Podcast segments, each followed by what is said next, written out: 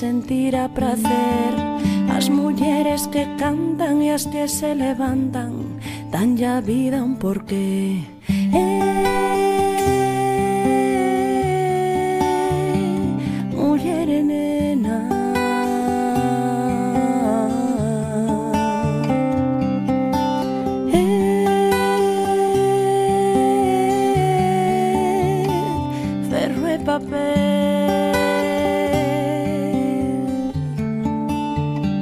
Chámame Ernestina Otero e durante a Segunda República fun a directora da Escola de Magisterio de Pontevedra, a Escola Normal, que tras o golpe de Estado Militar foi convertida en cárcere, como unha triste metáfora do que o fascismo lle ia facer ao ensino acabáronse os programas nos que eu tan activamente colaborara, os cursos de reciclaxe para as mestras do rural, o fomento da asistencia das meniñas á escola, a promoción da educación de adultos. De feito, a miña implicación en todas esas cuestións levoume o dubidoso honor de formar parte da primeira listaxe de depuración do Distrito Universitario de Santiago, xunta xente da talla de Castelao ou Osorio Tafal. Foi só a primeira das moitas vexacións que tivo que soportar a miña familia.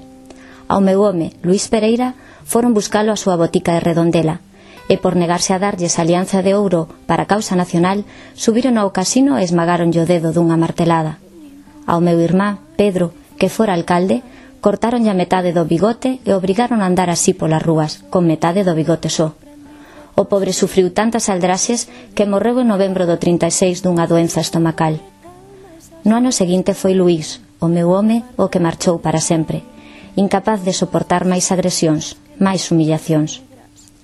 Dez días máis tarde, cando apenas era capaz de respirar entre a dor da ausencia, fun separada do único que me mantiña en pé, a miña cátedra. Pero non me deixei vencer por eles, non. Convertín a carraxe en afouteza.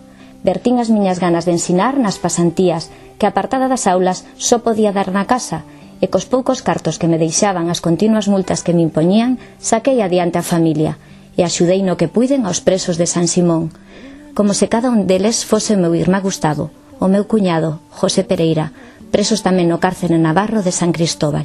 Empreguei a carraxe en fregar con auga oxigenada o sangue pegado ás roupas dos presos e convertín a rebotica do meu home nun ropeiro con que abastecelos de prendas. Pero nin toda a carraxe do mundo era capaz de desbotar a miseria que impregnaba o antigo lazareto. Rematada a guerra, revisaron o meu expediente e deixaronme volver a ser mestra, mais sen ocupar cargo directivo e lonxe da miña querida Pontevedra.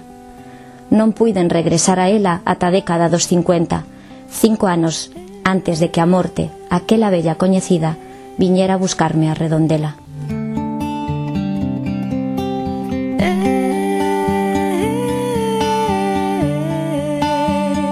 grande pequena Acabamos de escoitar neste comezo do gris ou violeta a biografía da protagonista do programa de hoxe, Ernestina Otero Sestelo. E imos agora coñecer eh, máis detalles, a afondar nesta muller eh, pioneira, represaliada, eh, todo un exemplo para, para seu tempo e para os tempos actuais. E imos facelo co seu neto, Manuel Puga. Benvido. Moitas gracias. Con 18 anos xa evidenciaba ideas eh, progresistas en defensa dos dereitos das eh, mulleres.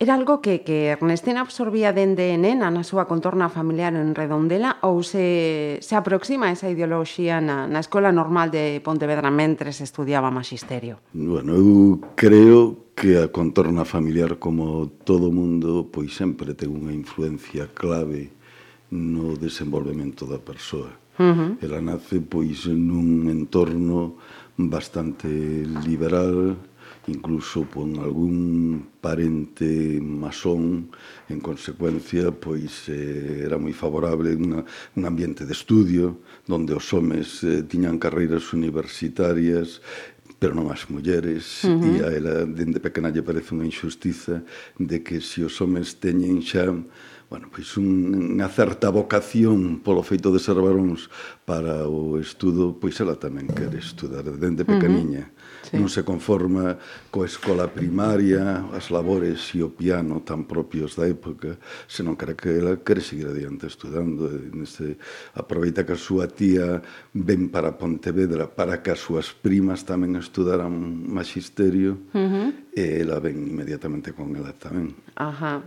E, e despois desa... Despois remata a carreira, etapa... pero xa na etapa esta, nos brans, cando vai a redondela, de volta, Ajá. pois empeza a alentar a todas as súas amigas a que non se poden conformar con, con esa situación e a exercer o seu liderado xa dende pequena entre as súas amigas, pois motivándoas a estudar, de que non se deben limitar a eses estudos, senón que hai algo uh -huh. máis que aprender e que teñen tanto dereito a aprender como os homes, eh, coas limitacións que había na época, non esquezamos uh -huh. que ata 1910 a muller non ten acceso aos estudios oficiais de bacharelato uh -huh. nin da universidade. Uh -huh. Dicir que ela, cando se ven estudiar a Pontevedra Magisterio, era porque era prácticamente a saída que sí, había sí, para sí. a muller inmediata. E, aparte, eu creo que incluso a súa vocación de educadora xa empeza nesa época. Nese momento. Ela uh -huh. sinte de que pode facer labor social dendo magisterio inmediatamente. Uh -huh estuda en eh, Pontevedra e logo marcha eh, a, Madrid, a Madrid, a Escola sí. Superior, eh, que ao parecer era, sí. eh, coñecían tamén polas súas eh, formulacións aperturistas. Acababa de abrirse, era Ajá. o centro punteiro da educación que había naquele momento. Non había, non esquezamos que non había facultade de pedagogía, uh -huh. co cual nun momento determinado, seguindo un modelo francés, créase a Escola de Estudios Superiores de Magisterio, que se accedía por oposición un número moi restringido de homes e mulleres uh -huh. e que unha vez rematada a carreira accedían a profesores das escolas de magisterio ou a inspectores de enseñanza. É dicir, era un corpo de élite que uh -huh. se estaba creando como precursores da educación. Os primeiros anos, ademais, foi mixta. Entre o ano 8 e o ano 10 ou 12 foi un centro mixto, co cual uh -huh. foi o escándalo general da, uh -huh. da sociedade, tanto que se cargaron o tema de ser mixto e hasta a súa disolución no ano 1920 e tantos ou 30 uh -huh. xa os xéneros separados, por suposto, non vou decir, que la tuvo oportunidade de, de vivir, de vivir casi cando había debates -huh. en pé de igualdade cos sí, homes, sí. e había un centro moi aberto, un centro donde a institución libre de enseñanza fixera pois prácticamente un centro de actividade uh -huh. co cual pois en aquel centro indudablemente pois aí sí que xa colle un pouso moito máis importante uh -huh. e a proximidade de toda a formación e a relación coa institución libre de enseñanza venlle dali fundamentalmente. Uh -huh. É unha das primeiras eh, mulleres con, con aquel título. Sí. E a segunda sí. da súa da promoción. segunda promoción, da segunda promoción. Uh -huh. eh. Uh -huh. Ela é da segunda promoción E, bueno, que, naquel momento incluso lembraba que para facer o análise o examen de ingreso pois había que dominar o francés e ela marchara a Vigo a ter clases de francés uh -huh. e iba en carro de cabalos a Vigo dende Redondela, sí. dende unha pequena vila, uh -huh. pois marcha a Vigo para poder hacer clases de de francés, de francés. e mellorar o seu francés e, e facíanlle preguntas nos exámenes ela lembraba unha que lle preguntaron si podía dar unha relación de ácidos sólidos. E entón tuve a sorte de se lembrar do todo botamen da farmacia do seu pai ah. e empezou co ácido acetilsalicílico, ácido bórico, ácido... Uh -huh. e sacoulle todo unha cheque que quedaron asombrados todos eles da cantidad bueno. de ácidos sólidos que uh -huh. coñecía no examen oral. Uh -huh. Ou sexa que eh, o seu home Non foi o único farmacéutico na súa vida. Non, o seu pai xa era boticario. Uh -huh. Por iso a mí mm. moitas veces cando saliento a figura dela, digo a figura dela é clave. Uh -huh. Pero tamén son claves a figura do pai. Sí, sí que bueno que accede a que a súa filla vaya a estudiar e que e aposta por ela para que vaya a estudar a Madrid. Uh -huh. E despois a figura do seu home, eh? a figura do seu sí. home para min é encantadora absolutamente, uh -huh. porque un home que que ten a súa vida resolta, que ten a súa botica en Redondela, que chega o primeiro concurso no que vai ter concursar e pide en primeiro lugar Pontevedra, uh -huh. pero en segundo lugar Ourense e en terceiro lugar a Coruña. Ela sí, tiña moi sí. clara que quería e ela lenta en todo en momento. Todo momento. É dicir, uh -huh. é un home que está aí e sinto orgullo da súa muller intelectual. Ajá. Sí, porque mm, estamos a falar entón dunha parella eh, adiantada, no, adiantadísima o seu tempo. Absolutamente, Creo uh -huh. que nese sentido, de verdade, foron unha parella eh, exemplar os dous. Uh -huh. Eh. Uh -huh. Eh, foi en 1914, según Lin, cando, cando rematou a casa, casa con, con Luis Pereira. Pereira. Sí, uh -huh. sí. Un ano despois eh, incorporase como Eso. profesora de pedagogía sí, na normal, de... de Pontevedra previo concurso, podían tela mandado Ajá. coa súa filla Ourenso a, ou a Coruña, cando as distancias daquela non eran as de hoxe, eh? Mm, sí, sí, que, que chegar a Ourense non era, non eran unha hora. Eh. Efectivamente. Eh? Mm, mm, mm. Eh, aquí na normal de Pontevedra chega a ser a directora e tamén ten responsabilidades administrativas, non, sí. no, no oido da, da, da educación. Pero xa, no, vamos a ver, era o pouco tempo de chegar, xa, Cando ela chega normal de Pontevedra, non esquezamos que era unha alumna do centro, do centro que marcha que volta... a estudar a Madrid uh -huh. e volta de Madrid como profesora numeraria con un estatus superior ao que tiñan a maior parte das profesoras que había uh -huh. na Escola de Magisterio que eran mestras saídas do propio centro. Ajá. Entón, pois, bueno, pois indudablemente trae pois algo distinto, trae unha formación, uns estilos e unhas formas e unha mente moito máis aberta, aberta. diría eu, uh -huh. non porque foran malos que había, uh -huh. vamos, había profesoras no, magníficas. porque absorbe precisamente porque todo eso que indudablemente pasa como cos Erasmus mm, hoxe. Uh -huh. Efectivamente. Pois o que anda polo mundo ao final pois trae outra. E ademais, honestamente, uh -huh. tamén o profesorado que tuvera na escola de, de superior. superior, pois indudablemente era mm, intelectuales de primeira línea, eh? uh -huh. dicer, do mellorciño que hubo, porque desde Luís de Zulueta, Domingo Barnés, Rufino Blanco, Ortega y Gasset, uh -huh. recién chegado, fresquiño da, Alema, uh -huh. de Alemania, dicer, tiña a florenata da intelectualidade do porque momento. Porque toda a intelectualidade uh -huh. aposta por aquel centro, porque se decataban uh -huh. de que si había boas escolas de magisterio, se avanzaba na educación, claro, era clave a educación. Uh -huh. Pasa como agora, non? Sí, igual, igual. Non esquezamos... Estamos falando a, o, de, o, de, claro, do comenzos do, sig do siglo XX. Educación cara. e despensa, uh -huh. que era o que se berraba. Comida uh -huh. e educación, formación sí, sí. era clave de toda a xeración do 98. Uh -huh. Eh, en esa responsabilidade xa como... Sí. Ela despois, de... bueno, ao chegar, ela xa o pouco tempo xa é secretaria do centro, xa Ajá. empeza a ter cargos, pero eh, na República tamén lle coincide que é a época na que está criando os fillos, co cual, indudablemente, pois, nos primeiros anos sempre lle restan posibilidades de involucración, pero, bueno, ela marcha cando hai oposicións a Santiago, a Coruña, a donde a nomen, e tal, e despois xa é na República, donde ela se involucra xa decididamente na, no proceso. Uh -huh. E entón a República cando a propón como directora da Normal nun momento determinado e presidenta do Consello Provincial de Educación. Ajá. Eh,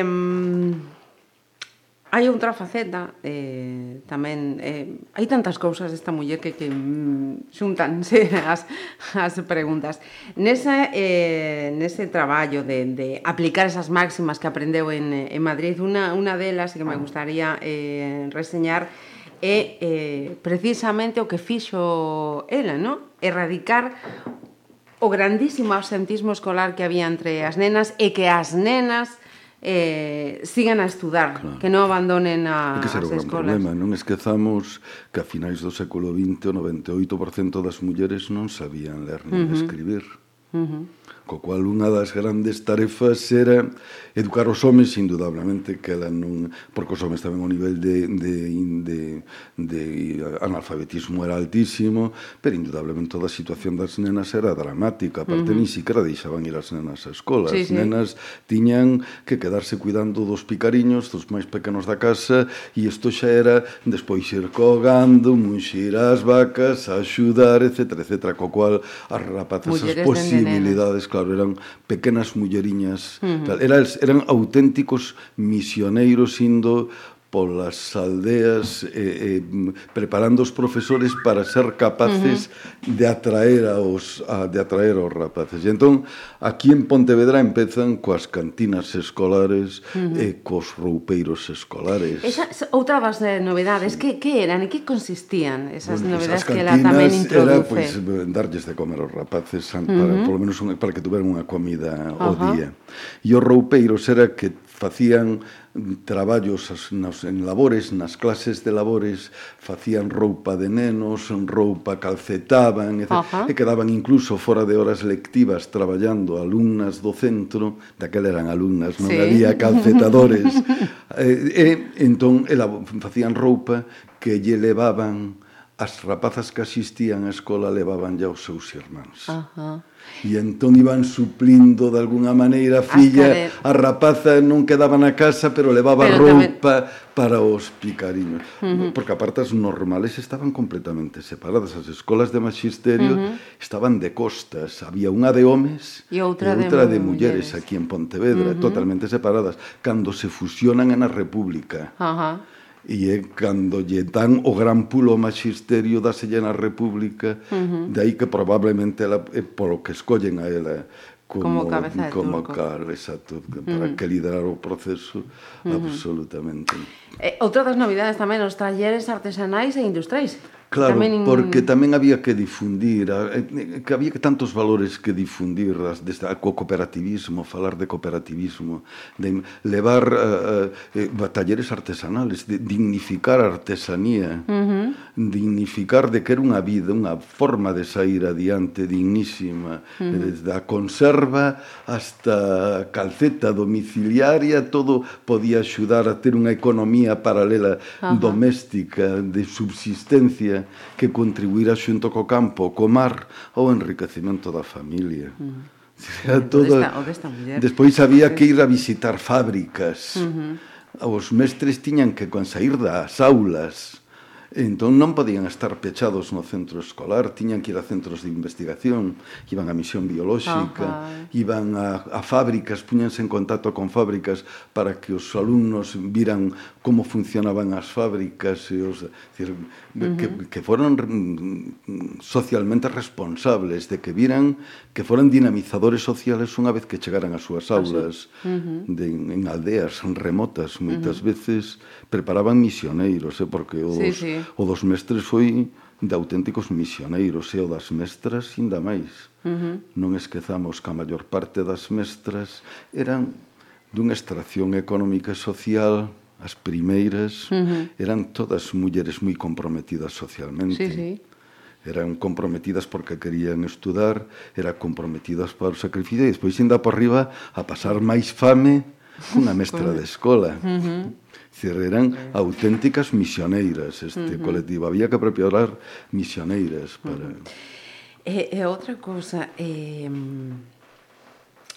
decías antes, eh, mencionaches a, as fillas, a máis de, de, de traballar, de, de cuidar do, do, do seu marido, desa comprensión do seu marido, tamén tivo fillas.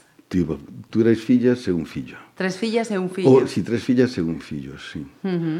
eh, eh, ademais, o ollo, na casa de Pontevedra tiña xente que, como non tiñan donde vivir, para a súa casa de Pontevedra acollía a determinadas rapazas Ajá. para que os seus pais lle permitiran estudiar magisterio se vinda vive algunha filla uh -huh. de, de algunha das que estuvo na estudando na súa casa e... estudando viva aquí en Pontevedra uh -huh. sempre me conta de que grazas a que miña nai, o pai, o avó dela, lle impedía estudar, porque dicía, como vai a vir esta rapaza para aquí, para Pontevedra, uh -huh. se si non ten de vivir, sin vigilancia, sin un cuidador... unha locura. Un, exacto, que locura.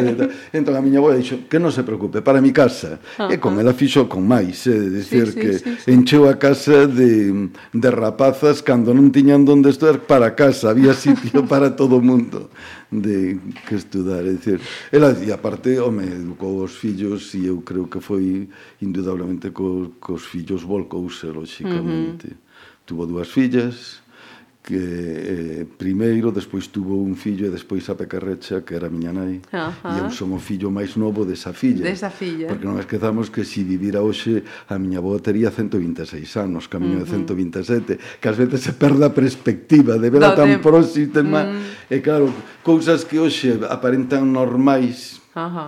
Pois na, daquela Estamos non era fa... claro, claro, Daque, era unha claro. ruptura clara uh -huh. que a filla do boticario marchar a estudiar a Madrid uh -huh. era unha locura absoluta uh -huh. había outras señoritas de Redondela que insultaban chamabanlle la señorita de la EIO porque quería estudiar. Bueno. claro, que era, si era moi difícil ser muller uh -huh. naquel momento. Sí, sí, sí, sí, sí, sí, sí. Pero que aínda as mulleres mesmo eh, foran as que... Pois moitas veces, eh, mm. lamentablemente. Ela moitas veces sentiuse uh -huh. máis confortable, claro, cos intelectuales, coas uh -huh. relacións, que, que se sentiu moitas veces. Uh -huh. Por suposto que tamén tuvo enemigos homes, eh? Sí, sí, Algún claro, imagino. normal de Pontevedra uh -huh. pasáballe notas anónimas por debaixo da porta mentras ela foi directora, eh? decir, que xa en plena república uh -huh. a ela barearon uh -huh. todo nela todo que Aí aí quería ir a, agora esa parte máis eh, lamentable, triste, penosa uh, da, da, da súa vida. Chega o 36, comeza ese, ese acoso, esa persecución e, e castigo. Sí, Houbera de, in... de, de todo, uh -huh. suspendida de emprego e, e soldo, e, eh, as súas separada, irmáns separada tamén... Separada da cátedra, as irmáns... Uh -huh Mortes eh... na familia, mortes uh -huh. dramáticas, condenas a morte, condenas a prisión perpetua, decir, hai de todo. Uh -huh. Apedreamentos da casa, xa é la viuda e apedrean a casa gritando rojos a la calle as manifestacións aquelas que se organizaban. Eh, mas eh, vamos, de todo a morte do meu avó que Eso iba que querer saber, non? No, no 37 morre no 37. Luis ela, Pereira. vamos a ver, ela eh, no 36 nada máis eh, no, no, no ano 36 ela está presidindo un dos tribunais de oposicións da uh -huh. normal. Eh, xa inmediatamente empezan as persecucións Macarrón, que era gobernador civil, inmediatamente empeza a chamar o goberno civil para tomarlle declaración e cada vez que se marcha o goberno civil pois non se sabe que vai ser dela, se vai volver, se non vai volver, se vai quedar presa, non pode ir acompañada, non uh -huh. pode levar abogado, nin pode levar nada.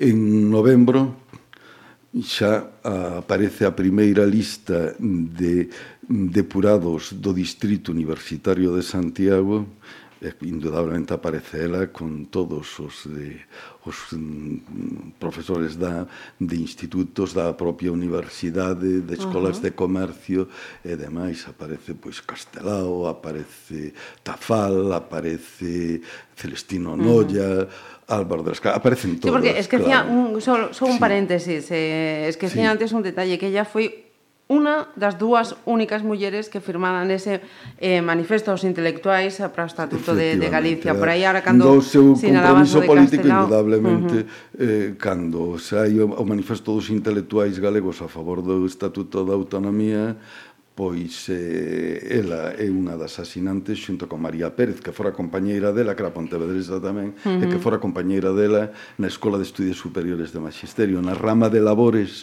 uh -huh. a miña boa na rama de ciencias e María sí. Pérez. E foi inspectora, e foron amigas íntimas, e foi despois casou con Novas, con Juan, con uh -huh. Juan Novas.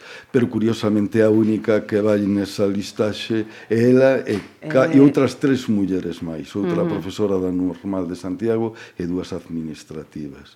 Pero xa nada máis salir a depuración, xa ya suspenden de emprego e soldo, suspenden as irmáns, condenan a cadea perpetua ao seu cuñado e ao seu irmán. En novembro, o seu irmán, que fora o primeiro alcalde republicano, tamén boticario, despois dunha chea de, de maltratos e humillacións, falece de repente Dicir, foi todo aquel novembro a decembro, foi ao irmán e, a, e ao, ao cuñado mandanno para o castelo de San Cristóbal, alá en, en, o penal de San Cristóbal en, en Navarra, que era un penal brutal, uh -huh. absurdo.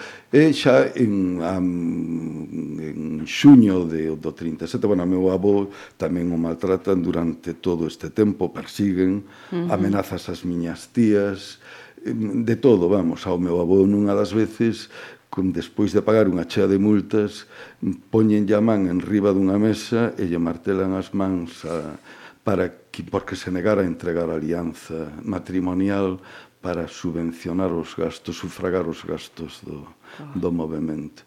E en xuño do 37 pois, bueno, destrozado absolutamente con aceite de recino, interrogatorios, e ademais falece acosos brutales, eh, pois falece en plena xuventude con 48 anos un home cheo de, de saúde. E aos 10 días sai no boletín oficial do Estado que lle quitan definitivamente a cátedra.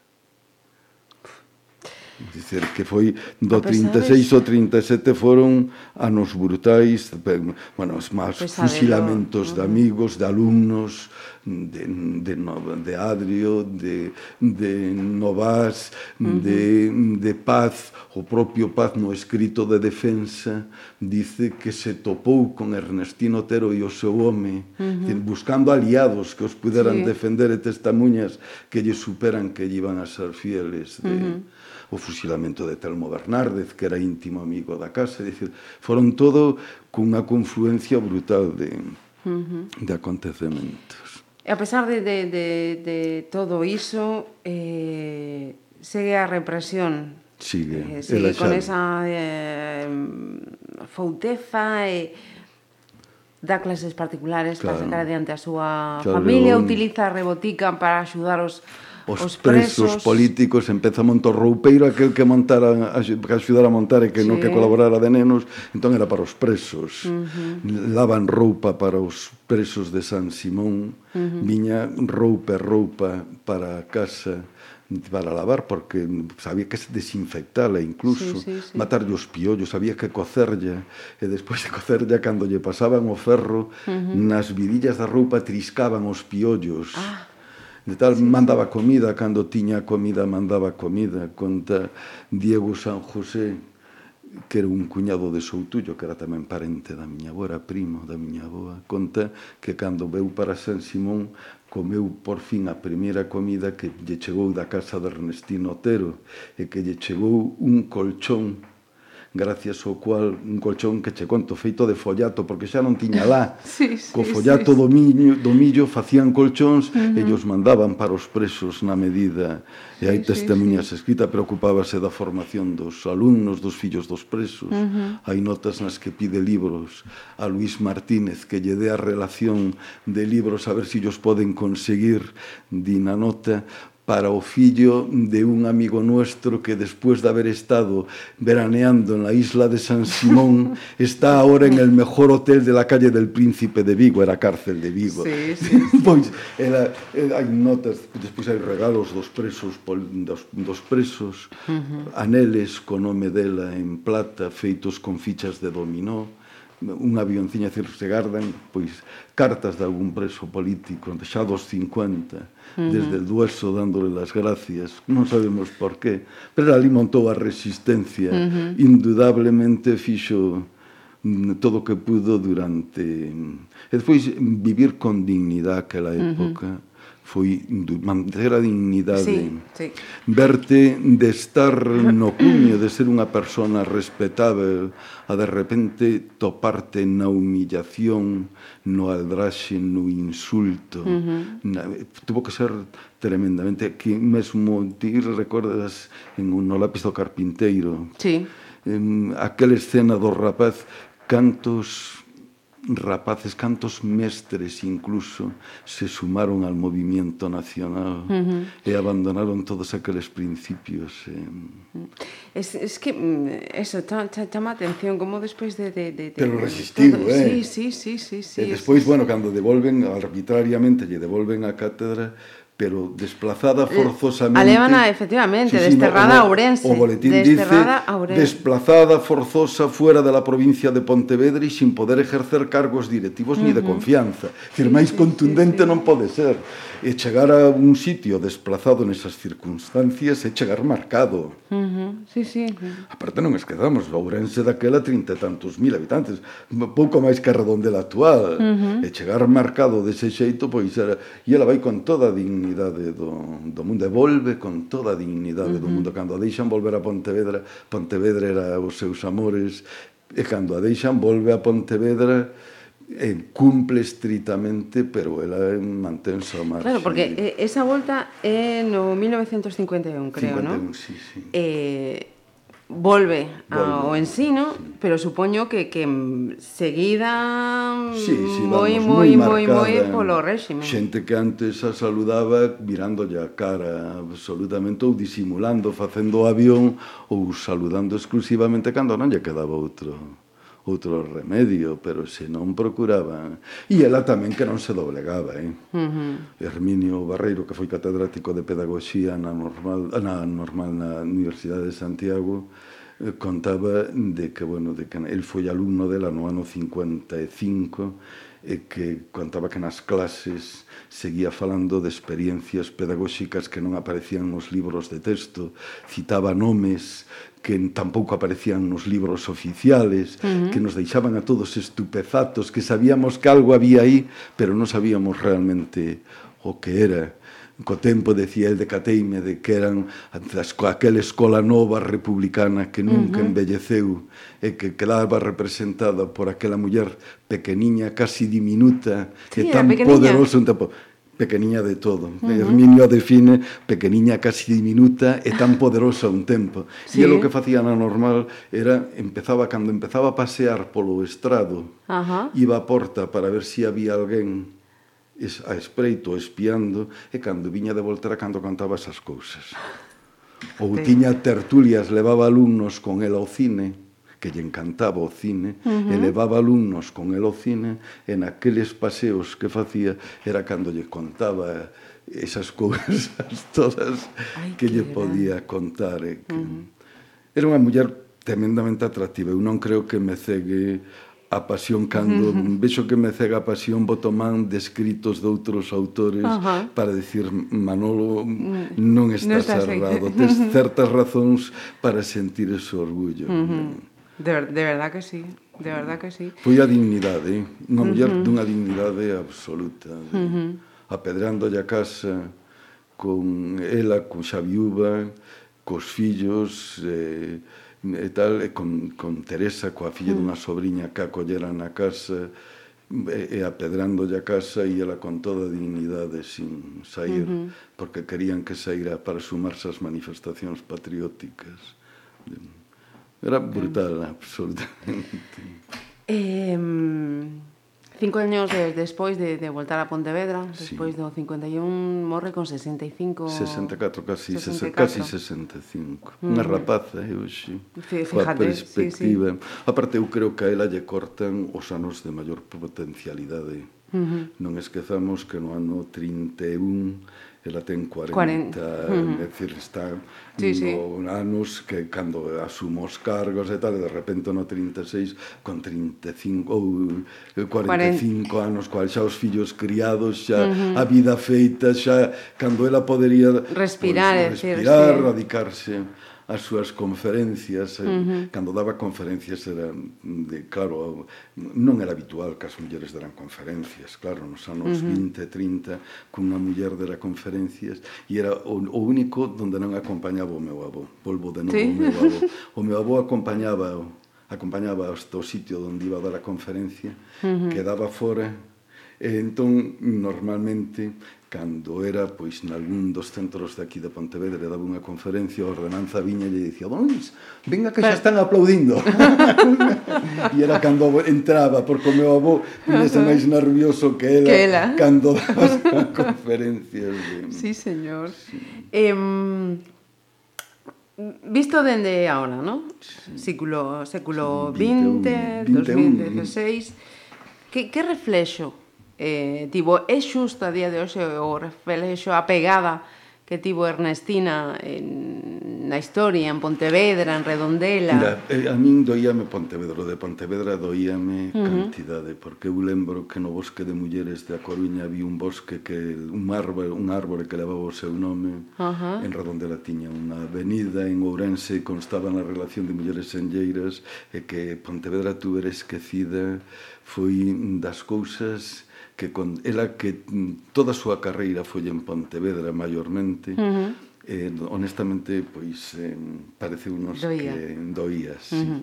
Eu creo que cando o alcalde, cando lle fixeron o primeiro recoñecemento, o alcalde dixo, uh -huh. hoxe Pontevedra entra, entra Ernestino Otero pola Porta Grande, mm, creo que sí, que, que volví a entrar. Uh -huh. eh, una, probablemente a única mágoa foi que, que xa non viviran ningún dos seus fillos para ver que para vivir ese momento. lle recoñecía cun homenaxe, en que fora un homenaxe de tal que lle recoñecía a súa contribución á historia de Pontevedra e eh, que aquela muller represaliada, resistente, e, eh, como decía Herminio Barreiro, símbolo de la emancipación femenina e feminista do século XX pois que era suficientemente uh -huh. recoñecida en Pontevedra. Xa uh -huh. empezaba, honestamente, agora xa o premio Ernestino Otero. Ajá. Vigo tiña outro premio antes de... Doía, nos dicía, non entendíamos nada, porque Pontevedra... Que conste que foi moi difícil mm, recuperar todas estas persoas. Ajá, eh? sí, sí. Porque a propia transición encargouse de sí. facer Sí, uh -huh. é dicir, eu creo ás veces eu lembro que a miña nai na, ferven, na fervura da miña xuventude lle decía, bueno, pois agora é tempo de, e miña nai decía, mentras estemos a seguinte xeración aquí, vos caladiños. Vamos a facer o que pensamos que é o mellor. E o mellor nestes momentos, todo mundo sabe quen somos e como somos. Uh -huh pero porque éramos de familia roja, claro, todos. Eh, entón dixeron, pero vamos a demostrar quen era demócrata, Ajá. quen quería, quen estaba en contra da dictadura, por que se estaba en contra da dictadura e hai que avanzar. Eu creo que ela tamén tiña confianza que co paso do tempo, pasado aquel perigo inicial, -huh. que se recuperaran moitas figuras esquecidas. Uh -huh. Pero eu creo que honestamente tardou moito tempo. Uh -huh. Manolo, eh, é evidente o orgullo co que fala da súa boa con todos os motivos, todos, absolutamente todos os motivos, porque é, é tremenda a historia de, de Ernestina. Eh, antes de, de rematar, porque levamos a un bo rato, a mí parece que foi hace cinco minutiños cando comenzábamos, eh, ten fillas? Teño unha filla e un fillo. Unha filla e un fillo. Sí e coñecen de arriba abaixo sí, a súa, sí, a súa bisaboa. Sí, sí, sí. Teñen un orgullo indudablemente uh -huh. tamén da, da familia, indudablemente sinten pois o orgullo da eu ademais procuro que sempre que, que participen e que vayan na medida E aparte, moitas veces, xa agora lle dicen a, a miña filla, sobre todo, lle decían que ti vas a ser intelectual como a tua como aboa, a, tu, uh -huh. a tua bisaboa, bisaboa. perdón, sí. ti vas a ser cando remataba a carreira con notas magníficas, cando levou o premio extraordinario de doutoramento, a quen vais a ir? Ten que sair a súa bisaboa. que sempre E eh, claro, todas as mulleres da familia pues, uh -huh. estudaron a partir daquela non hubo muller que quixera estudar e que non estudar uh -huh. e ah. que fixera as súas carreiras profesionais e ninguén lle puxera limitacións. Uh -huh. Pois eh, Manolo Fuga, Puga, perdón, foi todo sí. un placer de verdade eh, pois, non, coñecerte e coñecer máis aínda a figura de, de Ernestina que ten no seu oco pola porta grande de, de pois Pontevedra. Pues, Muitísimas grazas a vos por contribuir a, a recuperar esa historia, uh -huh. porque non, era, non foi ela a única muller. Creo que se está facendo un gran traballo en Pontevedra, uh -huh. pero eu creo que se están recuperando moitas mulleres que foron as grandes esquecidas da historia da historia da, eh, recente. Uh -huh. Moito sufriron e moito pero a todos os niveis. E desde logo que vos lembre desta miña boa, pois eh, moitísimas grazas. Un placer. Vale, gracias.